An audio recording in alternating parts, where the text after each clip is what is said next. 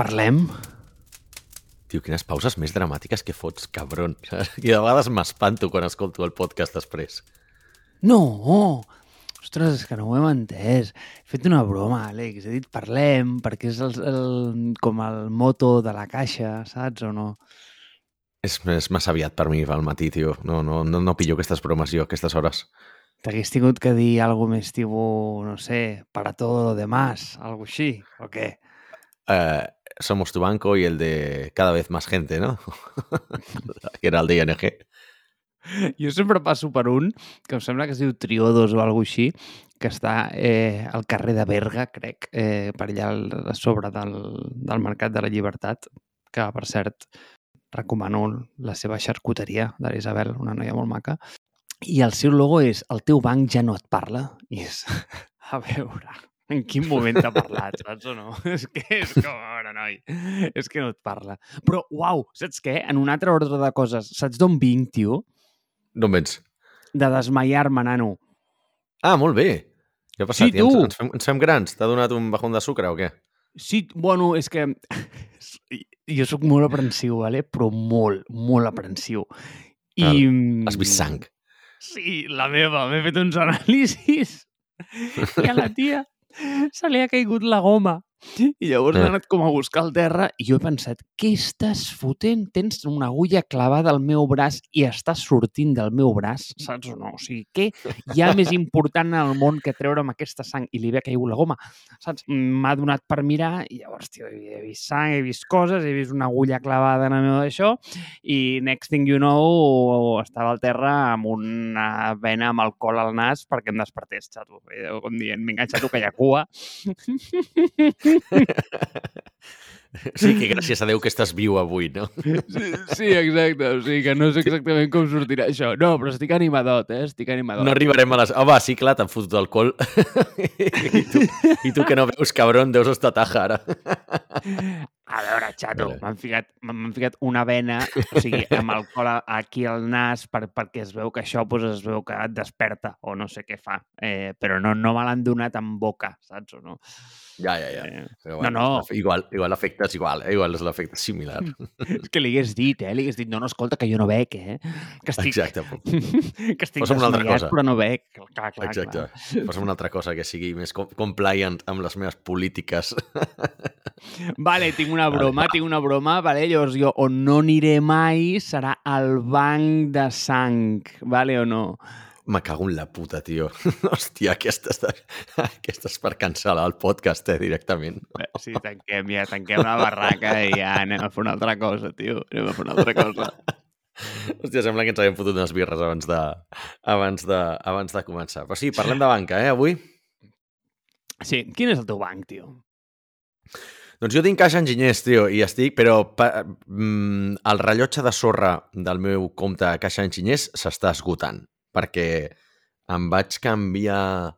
Fa, fa uns anys jo vaig decidir que no volia tenir cap empresa de l'IBEX, val? no volia donar-li pasta a cap empresa de l'IBEX, i, i em vaig canviar de tot, eh? Em vaig, va ser com em vaig passar... Doncs, bueno, Pepefon ja tenia, però a l'hora luz de turno vaig canviar el banc eh, i no sé quines altres coses més devia tenir contractades de l'IBEX i vaig canviar empreses una miqueta més ètiques. Però, hòstia, Caixa Enginyers, tio, estan sent els pitjors anys de la meva vida en quant a banca, eh? O sigui, eh, i segurament d'això en parlarem abastament avui. Però és nefast, o sigui, eh, el servei funciona molt malament, tenen unes restriccions, no sé, si completament arbitràries, costa molt fer tot, triga més les transferències que en altres bancs, eh, ah, i a sobre, per posar ciret del pastís Marc, no funciona amb Brave. Val? Per tant, cada cop que vull obrir la meva puta línia oberta ho he de fer amb Chrome i he de tornar enrere, saps? Eh, però sí, sí, és, eh, és un desastre, o sigui, és, un, és una decepció contínua eh, i em fa pensar que, hòstia, no pots tenir banca ètica que tingui un servei, i no sé si ells estan considerats banca ètica, eh que tingui un servei mínimament acceptable, saps? Però, bueno, no sé. Tu quin tens? Tio, abans que et digui, m'agrada molt el concepte de no vull cap empresa de l'IBEX, eh? És interessant. Sí, sí. Jo estic Bueno, és, un pensant... tema, és un tema polític, eh, més que res, però també, també a nivell conceptual m'agrada més usar empreses més petites eh, que no pas les grans multinacionals que, a veure, vull dir, foten més mal que bé a la societat. Sí que anda, que xato, eh, a nivell polític també tu ets políticament correcte, eh? Mm, T'he deixat allà... Sí, com, tio, així com una mitja broma a LinkedIn amb, lo de la, amb el comentari aquest de, de, de si mm, treballaves el dia de la hispanitat o no, i dius, no, no, és que no sé què has contestat, però he pensat, apa, xato, vinga, molt bé, eh, eh, que, que, que no ens volem fer mal aquí avui. bueno, però això, sí. Eh, digues, digues, banca. Sí, banca. Mm, Doncs mira, eh, jo no, no, no tinc res de l'IBEX, tampoc. Mm, jo tinc dos bancs eh, i és un tema de simplicitat, eh? encara que no us sembli que dius, oh no, seria millor un. No, en aquest sentit és més fàcil tenir-ne dos. Eh, tinc, tinc un banc eh, molt transaccional on faig l'operativa diària eh, i, i bàsicament simple, aquí el que vull és un banc que no em doni problemes. Mm, Jo sóc un tio molt fàcil amb això, l'únic que necessito és una compte corrent i, i, una, i una targeta de crèdit. Res més. Res més. Jo Vull també, dir, no, sorprenentment, però, hòstia, és que costa fins i tot tenir això amb segons quins bancs. no sóc un tio molt demanding amb això i, i sóc un tio molt clàssic, he estat sempre al Deutsche Bank i allà m'he quedat sempre. Val, val. Però què tal a nivell tecnològic, a nivell serveis, que és una miqueta el, el, el tema del dia, no? O sigui, posem-ho tot en una, a una mateixa bossa, perquè realment és un, jo és un dels que estic mirant, Deutsche Bank versus ING. ING no m'agrada perquè són taronja com Ciudadanos, per tant, va en contra de, de, de les meves idees polítiques i preferiria no ficar-me'ls.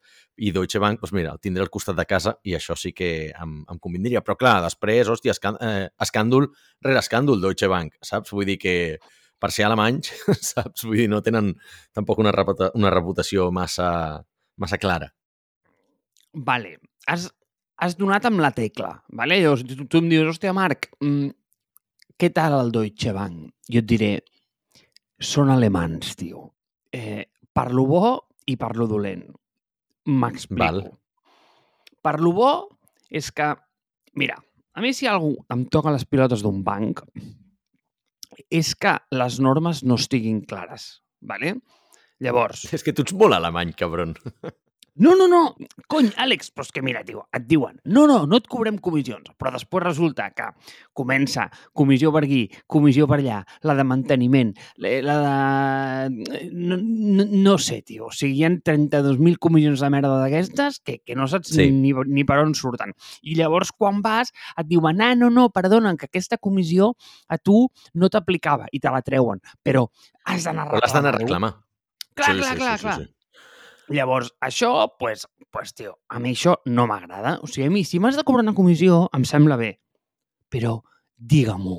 O sigui, explica-m'ho i explica'm per què me la cobres. Llavors jo ho entendré o no ho entendré i si ho entenc, pues, mm, et diré ok i si no ho entenc, pues, et diré que, eh, que ja me'n vaig a buscar un altre banc, vale? em vaig a la caixa d'enginyers. Llavors, per què et dic això? El Deutsche Bank és bastant clar en aquest sentit i et diu no et cobrarem comissions i realment no te les cobra. Fantàstic. Això està nice. Això està nice. Vale? Això està nice. Et diu, mentre compleixis aquestes coses, te, te posa com una certa d'aquestes coses, que són, són xorrades, eh, et diem, no et cobrem comissions. Vale? Jo, va, molt bé, vinga, estem contents, ens agrada.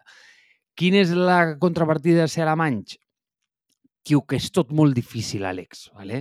O sigui, eh, tot has de fer com el test d'idoneïtat de no sé què, eh, has d'anar a firmar presencialment... Eh, Sí. És, és, eh, tu, és tot molt alemany, vale? és tot molt...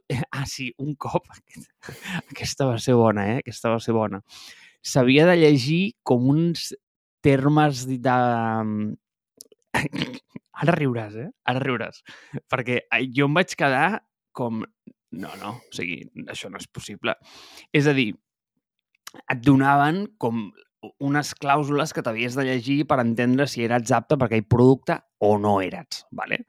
Llavors, El, el KYC, no? De tota la vida, el Know Your jo Customer. suposo que el sí, ara perfil. no, recordo, ara no Vale. recordo quan ho vaig fer, ara no recordo, però va ser bastant al principi, que em vaig quedar com... M'has de- m'has de prenent el pèl. Eh, va ser, té, vine a firmar això, mm, llavors jo, vale, firmo, i em diu, no, no, no, no, encara no pots firmar. I jo, a veure, xato, estic aquí, he vingut caminant fins a la teva oficina per firmar-te el puto document. Per què no puc firmar? I em diu, perquè el sistema no deixa introduir la firma fins 10 minuts després que se t'han entregat els papers, perquè és el temps mínim que reconeix que tu t'ha donat per llegir-ho. I jo, no m'ho puc creure, tio. En sèrio? I em vaig tenir que esperar a llegir amb el meu Kindle a la cadira, esperant 10 minuts, fins que va dir, molt bé, ja crec que tu has pogut llegir. Òbviament no m'ho havia llegit, ¿vale? però era el temps que, mm, bueno, pues, eh, pues mínimament et dona. I aquí és on vaig, ¿vale? amb el tema dels bancs alemans mm, que et fan fer les coses, però per què m'agrada una mica el Deutsche Bank? Perquè és el que menys... Mira, sincerament, el problema per mi de, de, de la banca i, I no sé si això es resol amb la banca digital o no. no. Jo no sé si tu tens algun Revolut N26, bla, bla, bla. Vale? Ara en parlarem. Ara en parlarem. Eh, però per mi el problema és que la gent ha confós el concepte del banquer amb el seu amic. És a dir, diu, el banquer no és el teu amic. Vale? El senyor de la caixa té un negoci a darrere que bàsicament es diu fer diners amb els teus diners. I un banc té una propietat molt curiosa que a mi una vegada una persona m'ho va dir i em va dir, em va, o sigui, em va semblar com l'obvietat més gran que no havia pensat mai a la vida. Per cert, aquesta persona ens escolta i es diu Nacho. Eh, Nacho, si ens escoltes, gràcies pel tip, perquè em va quedar gravat en foc. I el tio em va dir, és que el banquer és com l'únic negoci o l'única persona en la qual tu vas i li, i li dones els diners, saps o no? O sigui, no hi ha cap... Clar, sí, sí, sí, sí. és que Ben no vist. hi ha cap producte. O sigui, tu com a venedor, eh, és a dir, posant qualsevol producte al món, tio, t'estàs barallant amb, amb, amb, amb el món, bàsicament, perquè et comprin el teu producte i et donguin els diners. Però clar, en un banc... I tu li dones gratis. Clar, no, és tot el contrari. En allà vas amb els diners a la mà i li dius, què he de fer amb això?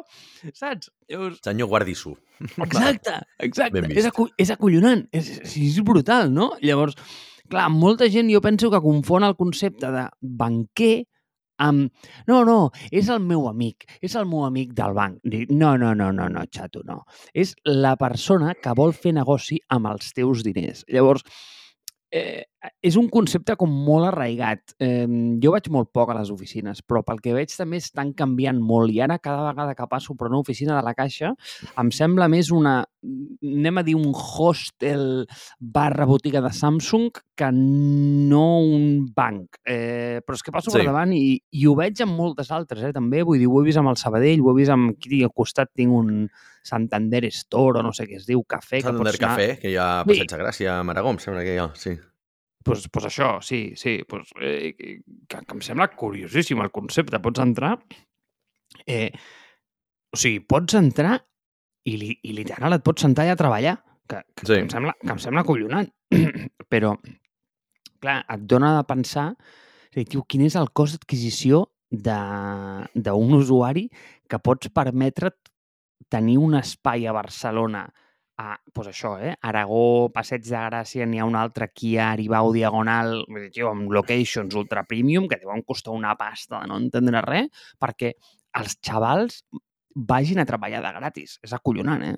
Bueno, perquè tot això segurament s'ho poden des desgravar, no? En tant que segurament deu ser un altre compte, una altra línia de negoci, o poden posar-ho com a projecte de comunitat, o, saps? Vull dir, si ho fan, no és perquè els hi surti... No és perquè vulguin, eh, diguem, fer, fer un bé a la comunitat. És perquè els hi surt a compte. D'alguna manera això és desgravable, segurament el que deia, no? Està considerat inversió com a real estate. I si a sobre t'ajuden una miqueta en les mètriques, doncs escolta, endavant, no? Però, però bueno, eh, ja que m'has preguntat pel tema de la, dels, dels neobancs i tot això, jo els vaig, en el seu moment els vaig provar tots, val? Soc, mira, en temes de coses de digital, així com tu en hardware, tu ets més eh, com la persona que prova molts gadgets i després eh, els retorna i tot, doncs jo ho faig amb el digital, no? I em dono d'alta amb tots, els provo i després eh, els acabo cancel·lant tots, no? Primer m'havia quedat també... En, eh, els vaig provar tots eh, en el seu moment i m'havia quedat primer només amb, amb N26 per un tema que em queia millor que Revolut, val? i que em sembla que N26 sí que tenia IBAN perquè ja era banc, quan ja va néixer com a banc i Revolut no, Però després N26 s'ha quedat molt enrere a nivell de a nivell d'operativa, no? I qualsevol, en tant que potser va aconseguir la llicència de banc i totes les restriccions que això els imposa massa al principi, per tant, tu quan havies de fer, quan estaves, eh, jo t'ho diré, eh, els, vaig, els, vaig, els vaig crear com a, com a banc de poder operar quan estic a l'estranger i treure sense comissions, no? Aleshores, què passa? Quan tu estàs a l'estranger i vols anar a treure eh, pasta i estàs a Tailàndia, doncs amb Revolut és tan senzill com que fas top-up a l'aplicació, t'ho agafa de la, de la teva compte, i jo què sé, poses els, els 200 euros, 300 que vulguis treure del caixer i al moment els tens. Vas al caixer, fas servir la targeta de Revolut i pam, ja ho tens.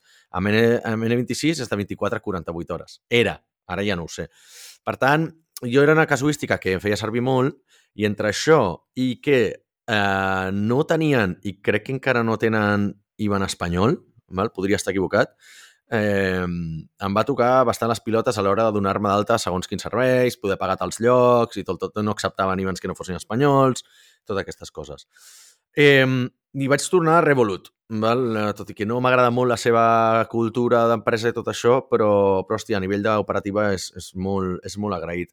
Aleshores, jo tal com ho tinc muntat és, doncs, evidentment tinc doncs, la Caixa Enginyers, que ja sabem que no serà sponsor d'aquest programa, eh, com per la, diguem, el, co el cobrament de la nòmina i, eh, i poca cosa més, i fer l'operativa típica d'un banc, però després intento operar amb, amb Revolut tant com em sigui possible. Per què?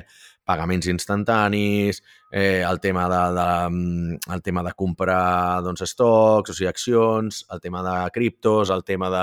bueno, totes aquestes altres coses que tenen com a funcionalitat d'un banc que si s'hagués dissenyat avui en dia seria així, no? Hi ha una altra cosa que no he mencionat d'aquest enginyers, que és una gran putada si ets autònom, val? Eh, per bé que obris un compte personal, si tens una nòmina d'autònom, com és el meu cas per ser propietari d'una empresa, passa automàticament a ser una compte de business i com a tal no pots tenir Bizum. Per tant, jo sóc el, el, el, el cretí del grup de tots els meus amics que no té Bizum perquè tinc, malauradament, sóc autònom i aleshores, com que Bizum està pensat per ser de persona a persona, eh, doncs no, i no, no per negocis, perquè la gent no s'aprofiti i el faci servir a nivell d'autònoms, doncs automàticament no tinc Bizum, el qual és una gran putada i també és un dels grans motius per canviar-me a un altre banc, perquè avui en dia, tio, sense Bizum, si ara mateix que estic de mudança no, no poder cobrar coses per Wallapop perquè no tens Bizum, hòstia, és bastant, és bastant greu, eh? Però bueno. Eh, aleshores, una mica del concepte, i per què vaig treure jo aquest, eh, aquest eh, tema per parlar, és perquè jo he treballat molt en banca en les meves anteriors empreses. Val? O sigui, bueno, sí, segurament ho puc dir, no? Vaig estar a projectes tant de, tant de CaixaBank com Caixa Enginyers i em sona que en algun altre. Eh, no sé si algun banc hi ha eh, d'aquests que, que, que, que han passat a millor vida, però, hòstia, entenc per què funcionen tan malament, per què costa tant fer canvis, per què no actualitzen mai eh, la seva web i per què no els donen ni tan sols un rentat de cara de, de diguem, a nivell de UI UX. Val? Per on vols començar, Marc? Mm, o sigui que avui agafes com la... Com et diria? Com a banderes l'empatia dels bancs, no, bàsicament? No, no, absolutament no. O sigui, ara, ara procediré a destruir el, el modus operandi d'aquestes grans banques i, i com treballen, perquè és que precisament doncs, ho he vist no, de primera mà i dic, és que entenc que els hi vagi tan malament la cosa.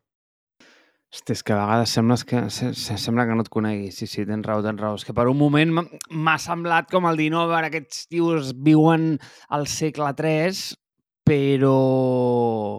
Però són bona gent, no.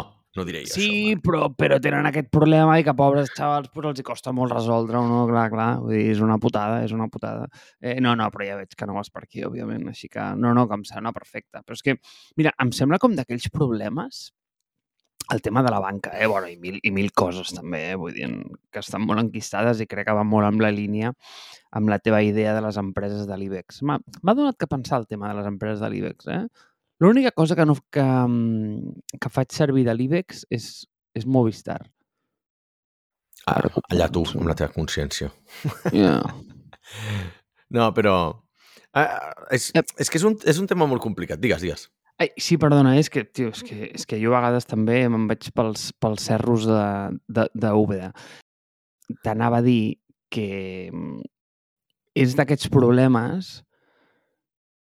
en, en aquesta causística, per exemple, de les empreses de l'IBEX, que diu que tens com hi ha tan recorregut que a vegades, hòstia, és més fàcil començar de nou que no pas intentar arreglar el que tens. És a dir, un N26 sempre ho tindrà molt més fàcil que una caixa, en sentit que no tindrà cap tipus de eh, eh, limitacions, exacte, que has anat com heredant amb el temps, no? Eh, clar, si comences de zero, doncs molt probablement doncs, ho tindràs més, més fàcil en aquest sentit, eh? En aquest sentit. Eh, però digues, digues, Àlex, tio. No, sí, és això, però d'altra banda, eh, és el que diem sempre, ai, que les startups van més ràpid i, i ho fan tot millor. Però de cop i volta, a mesura que creixin i trobin els problemes que venen amb la grandària de l'escala descomunal que tenen aquest tipus d'institucions, doncs és quan es troben amb problemes que les institucions ja diuen, pues jo, jo això ho vaig resoldre fa 20 anys i per què ho tinc així a la meva plataforma? Perquè exactament no vull tocar-ho perquè sé que és tan costós i aleshores quan l'startup de torn es troba que, hòstia, ara tenim aquest mega problema que no el podrem resoldre en dos anys, no? Clar, el banc li és igual, el banc porta 400 anys existint, saps? I això ho va resoldre als anys 90, quan van crear la seva primera versió de, de, de línia oberta, per dir alguna cosa, no? Aleshores, el problema fonamental que tenen la, la, la banca tra tradicional, i ja potser no entraria tant amb, el, amb, el, amb els neobancs, no? L'operativa de, la, de la banca tradicional és que eh, la majoria de bancs, per no dir tots, pràcticament fan un outsourcing de, o sigui, una externalització de, de, de tot el que és el seu producte. Val? Sí que tenen gent interna a nivell de manteniment, segurament la gent d'arquitectura és la seva, la gent de compliance també, però l'execució sol estar fora. Val? I qui hagi treballat en Indras, Capgeminis, uh, Deloitte, Accentures i, i basures similars, doncs ho sap perquè hem hagut de programar aquestes coses. I dius, com pot ser que deixis en mans de programadors allà no júnior per dir la culpa és dels júniors, no? Però és que aquestes empreses et venen programadors eh, júnior com a sènior i, i són els encarregats de desenvolupar la infraestructura de bancs, d'asseguradores i gran, altres grans corporacions eh, amb unes pràctiques molt qüestionables, quan menys, no? I jo me'n recordo que pensava, dic, hòstia puta, saps? Vull dir, com a primera feina, eh, com a primera feina a nivell professional més, eh, més seriós, no? no el que havia pogut fer a nivell de freelance o, o a la uni. Estic dedicant-me a programar eh, la funcionalitat de banca per la qual, o sigui, bancs que estan movent milions i milions i milions i, i això ho han de subcontractar a una empresa amb lo important que és, amb lo core que és, amb tots els problemes de seguretat que puguin haver-hi. Evidentment que només ho subcontracten a doncs, els, això el que deia, les Big Four de torn, perquè són les úniques que tenen les certificacions que toquen, que són compliants a nivell de seguretat, que, mmm, que a ningú l'acomiaden per haver contractat IBM, no? perquè si surt malament doncs és un problema teu, no és, no, no, IBM no pot fer les coses malament, o almenys vaig contractar IBM, que té la reputació i per tant deu haver anat malament alguna altra cosa, no? No poden haver fallat ells. No m'he equivocat subcontractant a una empresa de, de, de, de, de mig pèl que he trobat por ahí i aleshores, clar, el fallo és meu. Aleshores, clar, per un cantó tens això. Per altre cantó és que dintre, de la, dintre de, dels altres problemes sistemàtics que té la, que té la banca, com tenen també la, el sector d'assegurances, és que és un sector on la mitjana de permanència a l'empresa és altíssim. Aleshores, què passa? Es crea un clima de confort i de poc moviment dintre de l'empresa que no hi ha manera que aquestes eh, corporacions puguin innovar a nivell intern. Per què? Perquè tothom porta 20 anys a la puta empresa. O sigui, si tu pares a mirar els perfils tant de tecnologia com de producte, com de, com de qualsevol altra cosa, els, els dissenyadors que hi ha dintre, dintre la banca i asseguradora més, porten 20 anys a l'empresa perquè no es volen moure, són gent que ja ha fet el pas a client final i diuen jo vull estabilitat, ja m'és igual la carrera, el que vull tenir és un bon sou, que em molestin poc, i llavors es crea aquest clima de poca motivació i de poc engagement, diguem, que, que fa que es pugui innovar molt poc. I aleshores aquí ve el problema, o sigui, no, la solució a un problema que no s'hauria d'haver creat mai, que es diu Open Innovation. Coneix el concepte Open Innovation, no, Marc? El conec, el conec. Va. Bueno, Open Innovation, per qui no ho conegui, és una manera que s'han creat les grans corporacions per dir ei, anem a trencar els silos tradicionals que tenim de, de proteccionisme i conservació de dades i de, de secrets i tot això que tenim, obrim-lo a terceres empreses perquè puguin ajudar-nos a innovar. Però, de nou, és un problema que no hauries de tenir si tinguessis innovació allà dintre i funcionés correctament. Però tal i com ets, de mastodòntic, doncs t'obliga a tenir un mecanisme no? com, com de... Anem a netejar-nos la, la consciència, no? És com les aerolínies amb el seu programa aquest del carbon offset, no? Anem, ah, no, volem compensar el mal que fem al medi ambient. Hòstia, doncs potser fes-ne menys. no, no, no, no sé, saps? Vull dir, aquest tipus de, de coses que passen. Que, aleshores, amb l'Open Innovation, el que passa és que dones entrada a actors dintre del, de la teva corporació que, hòstia, igual no estan 100% alineats, eh, tens una dependència doncs, tecnològica, tens una dependència contractual, i al moment en què vas canviant, perquè aniràs canviant d'empresa, perquè doncs, el manager de canviar el manager de torn i diu ah, aquesta empresa no em serveix, això ja no és prioritari, perquè això no ho ha aprovat el CEO o el que sigui, doncs aleshores eh, tot això que vas perdent i no es queda dintre l'empresa. No? I, I perpetues encara més el problema de tenir autèntics dinosaures dintre de la teva estructura i la gent, no li diré mm, potent o, o, o, o, o o diguem més, més capacitada per innovar, segueix estant fora de l'empresa. Per tant, vull dir, no hi ha, una, hi ha molt poca transferència.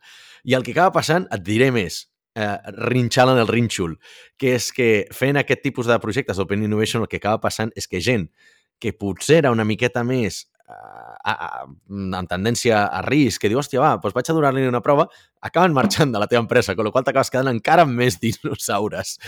I per això, i per moltes altres coses, no, jo crec que la, la banca, els sectors més tradicionals, no, no poden innovar i, i no ho innoven. I després també hi ha la, la vessant tecnològica, però després te la dic. Hòstia, Àlex, però que això de l'Open Innovation, per mi el que és, és com... O sigui, l'únic open que hi ha aquí és el forat que tens a la... Eh, eh, no ho sé, com a la compta resultats. Quan, quan, sí, també. Sí, o sigui, quan deus dir la pasta que t'has gastat amb això, perquè, de veritat, eh, eh?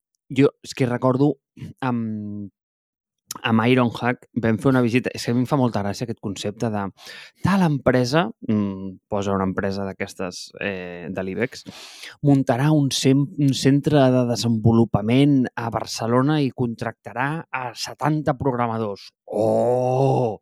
Vale, doncs pues en vam anar a visitar un, vale? Que generalment sempre van acompanyats de la paraula digital o el que tu dius. O hub. I no, sí, o hub, exacte, exacte. Jo em vaig anar a veure un amb, amb Iron, que els vam, els vam portar a fer com una visiteta molt, molt maca a que ens ensenyessin que havien muntat amb una empresa que no diré el nom, però comença amb Z i acaba amb H. Llavors, era com, vale, ens van començar a caminar per allà i tio, ens van començar a ensenyar com, tio, ulleres d'AR, que si rellotges, que si no sé què, i, i, i, i jo pensant, a veure, tio, però tot això per què serveix? O sigui, on, on, on anem amb tot això? Doncs pues bueno, no, és que, eh, saps allò com per fer veure que estàs movent? És a dir, tu, mira, el que vam parlar del principi de Peter, de, de tota aquesta capa de middle management que al final sí. el que té que fer és una mica de soroll per veure que fa alguna cosa, eh, i com apretar les tecles de l'ordinador ben fort perquè es noti que està, que està produint i que Exacte. està calant amb, amb la cadira ben calenta, doncs pues això és exactament el mateix, però amb, amb molts diners que dius, mira, doncs contractarem a 80 persones, mm, començarem a fabricar hardware perquè no tenim una altra cosa que fotre, provarem i llavors el que farem és que direm que no funciona, ho desmuntarem, ho tirem tota la basura i aquí no passa res. Open Innovation, xaval.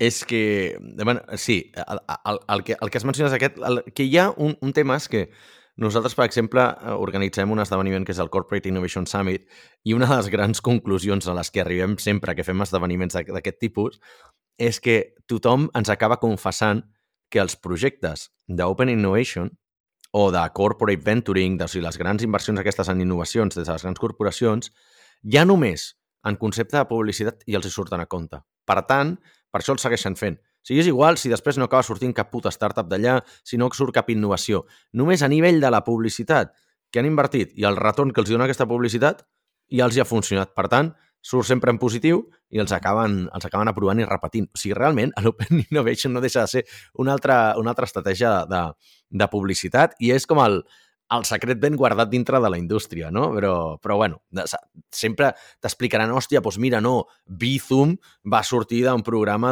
d'Open Innovation i no sé quin altre projecte també bueno, viatge de supervivència, m'està explicant un projecte no, dels 80.000 milions que han mort en els últims 10 anys o des de que es va de posar a moda d'aquesta pràctica. Per tant, no sé, posar-ho una miqueta posar-ho una miqueta en dubte.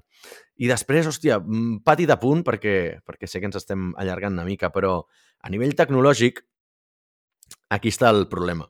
Que a nivell tecnològic, o sigui, així com en, a nivell d'Open Innovation i pots ser, ho pots carregar a màrqueting i veus, és més o menys mesurable i pots mesurar el resultat, la banca tradicional no ha aconseguit mesurar el que és el, el technical debt, val? el de, deute tecnològic, entenc que deu ser a nivell eh, en català. Per tant, eh, invertir en tecnologia mm, no saben quantificar-ne el retorn. I diuen, hòstia, és que vam invertir en aquesta plataforma fa 25 anys i, ostres, ara no ens podem permetre tornar-ho a reescriure tot per mig milió de, de pavos o, o 150.000, el que sigui, no? o inclús aquest mòdul. No podem refer-lo perquè és que ja vam invertir molt en això. Eh, està en una tecnologia que el que hauríem de fer és mantenir-ho perquè, clar, el cost de transició poden ser molts anys, no hi ha persones suficients com per... ens costa trobar persones que sàpiguen fer COBOL o altres llenguatges prehistòrics i no ens podem arriscar, no podem ser el primer banc que passa a ser una gran, una, una gran corporació amb un llenguatge, jo que sé, per dir alguna cosa, eh? Node.js, que ja està pues, més que establert i més que consolidat, no? No, no voldríem fer-ho, o PHP o Java, el que sigui. Java, evidentment, sí, perquè ja hi ha molta cosa, però, però hòstia. I aleshores, clar, la gran inversió que van fer en tecnologies doncs, més o menys qüestionables fa uns anys, doncs, clar, per ells és, no, és que jo inverteixo en tecnologia però veig com una pèrdua. No li veig cap tipus de retorn, perquè la tecnologia no em dona un retorn. Em dona un retorn, doncs això, doncs quan la gent contracta un, un servei, quan faig una campanya de màrqueting a Facebook Ads i jo li poso un euro i me'n torna un euro i mig, doncs veuen un retorn immediat. Però, clar, el, com que no les, la banca i els sectors més tradicionals no tenen uh, el, el deute tècnic, que en realitat és una cosa que ja és quantificable avui en dia, doncs no la tenen com a, com a mètrica. I al no tenir-la com a mètrica, doncs no poden fer càlculs en quals els costa tenir una tecnologia completament obsoleta i que d'idea a producció, o sigui que una feature passi d'idea a producció que els hi tardi tres mesos, quanta pasta perden allà quan amb una nova infraestructura, probablement d'idea a producció, podrien estar en 48 hores. No?